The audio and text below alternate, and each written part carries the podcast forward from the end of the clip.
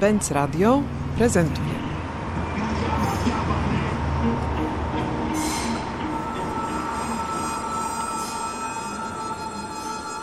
Anna Cymer, historyczka architektury, dziennikarka, autorka książki Architektura w Polsce 1945-1989. Tak intuicyjnie, kiedy mówimy o architekturze współczesnej, przychodzi nam do głowy, że to jest ta architektura najnowsza. W polskim przypadku to jest ta architektura, która powstała po roku 89, czyli w tych latach, których napisana przez ciebie znakomita książka już nie obejmuje. Czy zgodziłabyś się z tak postawioną granicą współczesności? W Polsce według mnie jest to szczególnie trudne, żeby te granice stawiać, bo wydaje mi się, że bardzo wiele osób interesujących się architekturą, nie mówię o ekspertach, bo chyba nie tylko oni są tutaj też zapraszani do udziału w konkursie, więc rozumiem, że chodzi o każdego, dla kogo architektura powiedzmy nie jest obojętna. Myślę, że bardzo wiele z tych osób nawet nie uzna na przykład architektury lat 90. za współczesną. To już jest trochę relikt, bo ta epoka już minęła. Te lata 90., jeśli chodzi o estetykę i nawet pewne rozwiązania funkcjonalne, one już minęły. To już jest przeszłość.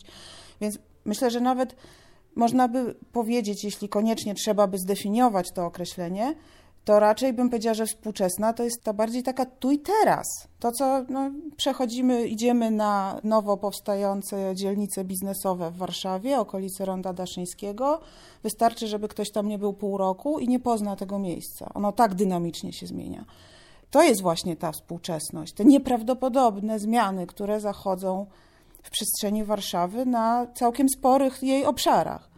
No ale z drugiej strony patrząc, oczywiście, no to współczesność tak naprawdę to można rozciągnąć i od 1945 roku i właściwie w pewnym sensie też i architektura dwudziestolecia międzywojennego jest współczesna, ponieważ to wszystko, co jest budowane dzisiaj, właściwie z tamtego okresu czerpie.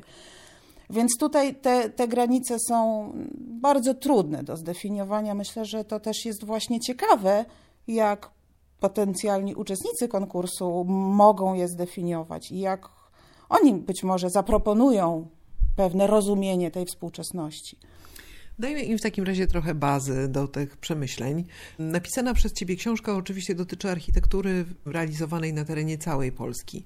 No ale mieszkasz w Warszawie, jesteś tutaj też użytkowniczką tej przestrzeni, znasz świetnie miasto i ta sytuacja architektoniczna nowych realizacji, ona rzeczywiście jest, tak jak powiedziałaś, związana przede wszystkim z rozwijającą się przestrzenią biznesową, z rosnącymi osiedlami mieszkaniowymi, budowanymi no, w ogromnym tempie przez deweloperów i także przez instytucje kultury, które dzięki dużym dofinansowaniom z Unii były w stanie odnowić swoje siedziby bądź je udoskonalić. Teraz w Warszawie także mamy spore zaangażowanie w tak zwaną rewitalizację, rewitalizację obszaru praskiego.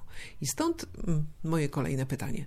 Czy właśnie te nakładki współczesności na tę architekturę, która jest zastana, która pochodzi z przeszłości miasta. Wiadomo, że w Warszawie jest to trudna bardzo historia, tragiczna, a tych pozostałości nie jest wiele.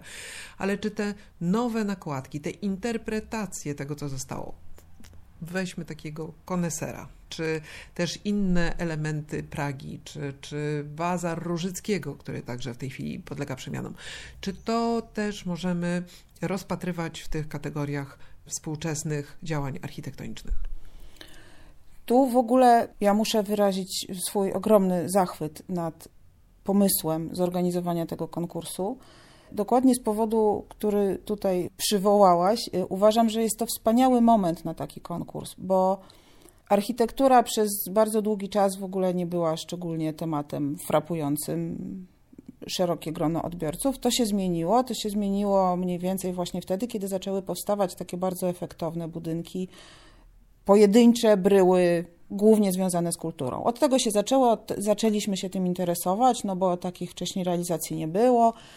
I przez bardzo długi czas, co mi osobiście właśnie, jakby można powiedzieć, tak sprawiało taką trochę przykrość, że przez bardzo długi czas debaty o architekturze sprowadzaliśmy właśnie do zachwytu lub też krytykowania tych pojedynczych budynków, kompletnie wyrwanych z kontekstu. Natomiast na szczęście mam wrażenie, że to już minęło, może też dlatego, że już nie buduje się takich wielkich muzeów czy filharmonii, ale że właśnie ta nasza refleksja o architekturze znacznie się poszerzyła i zupełnie inaczej zaczynamy patrzeć na tą przestrzeń zurbanizowaną i właśnie zaczynamy rozumieć to, o czym powiedziałaś, czyli jakby to, że my nie żyjemy w otoczeniu pojedynczych budynków, czy starych, czy nowych, że mówimy, o to jest ładny zabytek, a to jest ładny, nowoczesny biurowiec, albo tam nowe osiedle. Tylko my żyjemy w przestrzeni, która składa się z nieprawdopodobnej ilości warstw, co więcej, te warstwy ciągle się zmieniają, bo nawet stare budynki właśnie zyskują nowe życie, są modernizowane, przebudowywane, rozbierane i budowane na nowo, niby że lepsze. Więc jakby to się cały czas zmienia i tak naprawdę właściwie może też, jeszcze wracając do pierwszego pytania, pierwszego tematu, że może to jest właśnie też ta współczesność, że to jak przemienia się ta przestrzeń, ale właśnie bardzo szeroko rozumiana, czyli nie tylko właśnie nowe inwestycje, ale też to, jak adaptujemy do nowych potrzeb to, co już jest.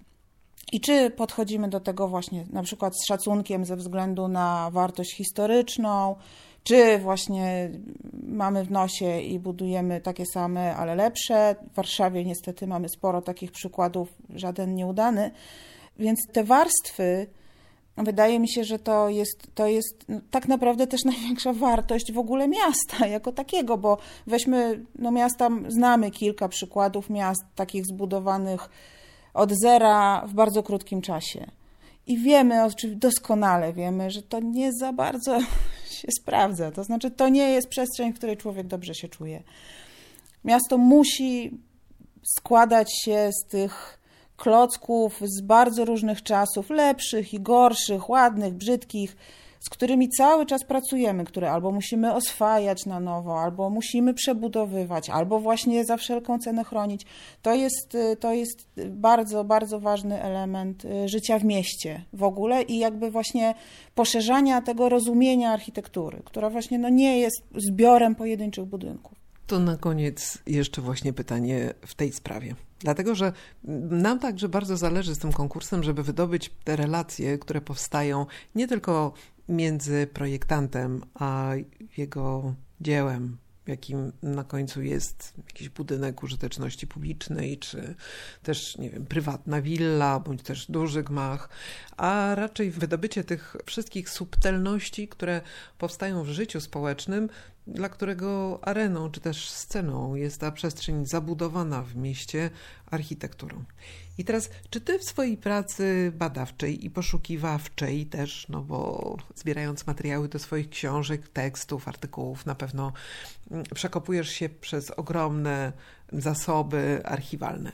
Czy widzisz, jak ta obecność użytkownika, czy obecność obywatela, czy mieszkańca miasta, jak ona jest wpisywana w projekt? Czy to się zmieniało na przestrzeni lat? To jest bardzo trudne pytanie, bo ja mam na nie odpowiedź, przy czym nie chciałabym się z nią obnosić, bo ona mnie stawia w bardzo złym świetle. Niestety zawsze w takiej sytuacji wychodzi ze mnie taka trochę ciotka, klotka, która uważa, że kiedyś to było lepiej, ale mam wrażenie, że jednak ta wrażliwość na użytkownika kiedyś była trochę większa.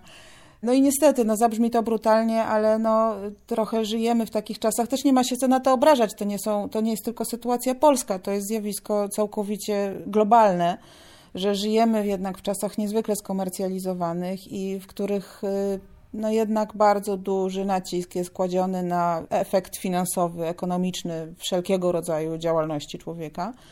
W związku z czym no, trochę w tych tabelkach Excela jakby na, na człowieka bardzo często nie starcza miejsca. I niestety, ale wtedy, kiedy architektura była mniej podporządkowana biznesowi, no to wtedy właśnie no, można było sobie pozwolić na to myślenie, na ten taki szeroki gest myślenia o tym, czy tam w ogóle człowiek się będzie dobrze czuł. Trochę to zaczyna się jakby na nowo zmieniać, no bo doszliśmy, no doszliśmy trochę już do takiej, no trochę do ściany, że już naprawdę było już, już bardzo źle i trzeba było trochę zrobić krok y, do tyłu. I też na świecie to się zmienia, widać, że nie wiem, no zaczynają być choćby no, w tym nieszczęsnym konkursie o Nagrodę Pritzkera, na przykład zaczynają być doceniani właśnie architekci w ostatnich latach po raz pierwszy w historii. Architekci, którzy właśnie projektują może mniej efektowne rzeczy, natomiast właśnie dużo silniej związane z myśleniem o użytkowniku. I to bardzo często o tym użytkowniku, jakby w jakimś sensie poszkodowanym przez los. Czyli tym, który na pewno nie będzie miał pieniędzy, żeby zapłacić za ten projekt. Więc to się zmienia, tutaj jakby wracają trochę te, te myśli takiej wrażliwości społecznej, y, architektonicznej.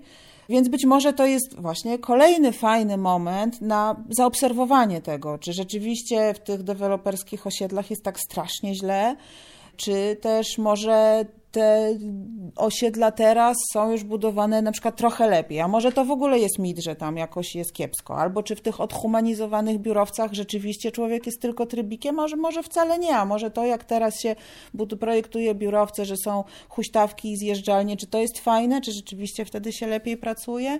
Wątków jest cała masa i tych pomysłów właśnie małych bardzo często na to, czy temu człowiekowi tam rzeczywiście jakoś ta architektura trochę pomoże w jakiejś szczęśliwości, to też y, fajnie może ich y, poszukać, przyjrzeć się, zapytać, y, bo to najlepszym źródłem informacji jest użytkownik, no bo my z zewnątrz no nie jesteśmy w stanie użytkować wszystkich budynków, więc bardzo często z zewnątrz może jednak czasem bazujemy na jakichś swoich uprzedzeniach albo negatywnych emocjach i nie do końca umiemy docenić czy dostrzec pewne rzeczy. I tu jeszcze chciałam jeden y, przywołać element, który wydaje mi się też bardzo istotny, bo ja pisząc o architekturze tej właśnie najnowszej, czyli opisując po prostu, to jest jeden z elementów mojej pracy, opisywanie po prostu nowych inwestycji. No, siłą rzeczy bazuje na wizualizacjach czy zdjęciach, bardzo silnie retuszowanych zdjęciach, nie oszukujmy się.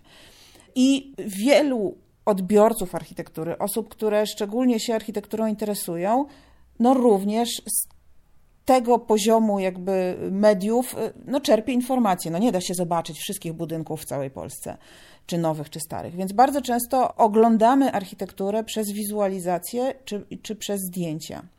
I tu wydaje mi się też jeszcze kolejny absolutnie fascynujący moment spojrzenia wreszcie na architekturę innym zmysłem – bez tych obrazków, od których nie możemy się uwolnić na co dzień, bo one są wszędzie.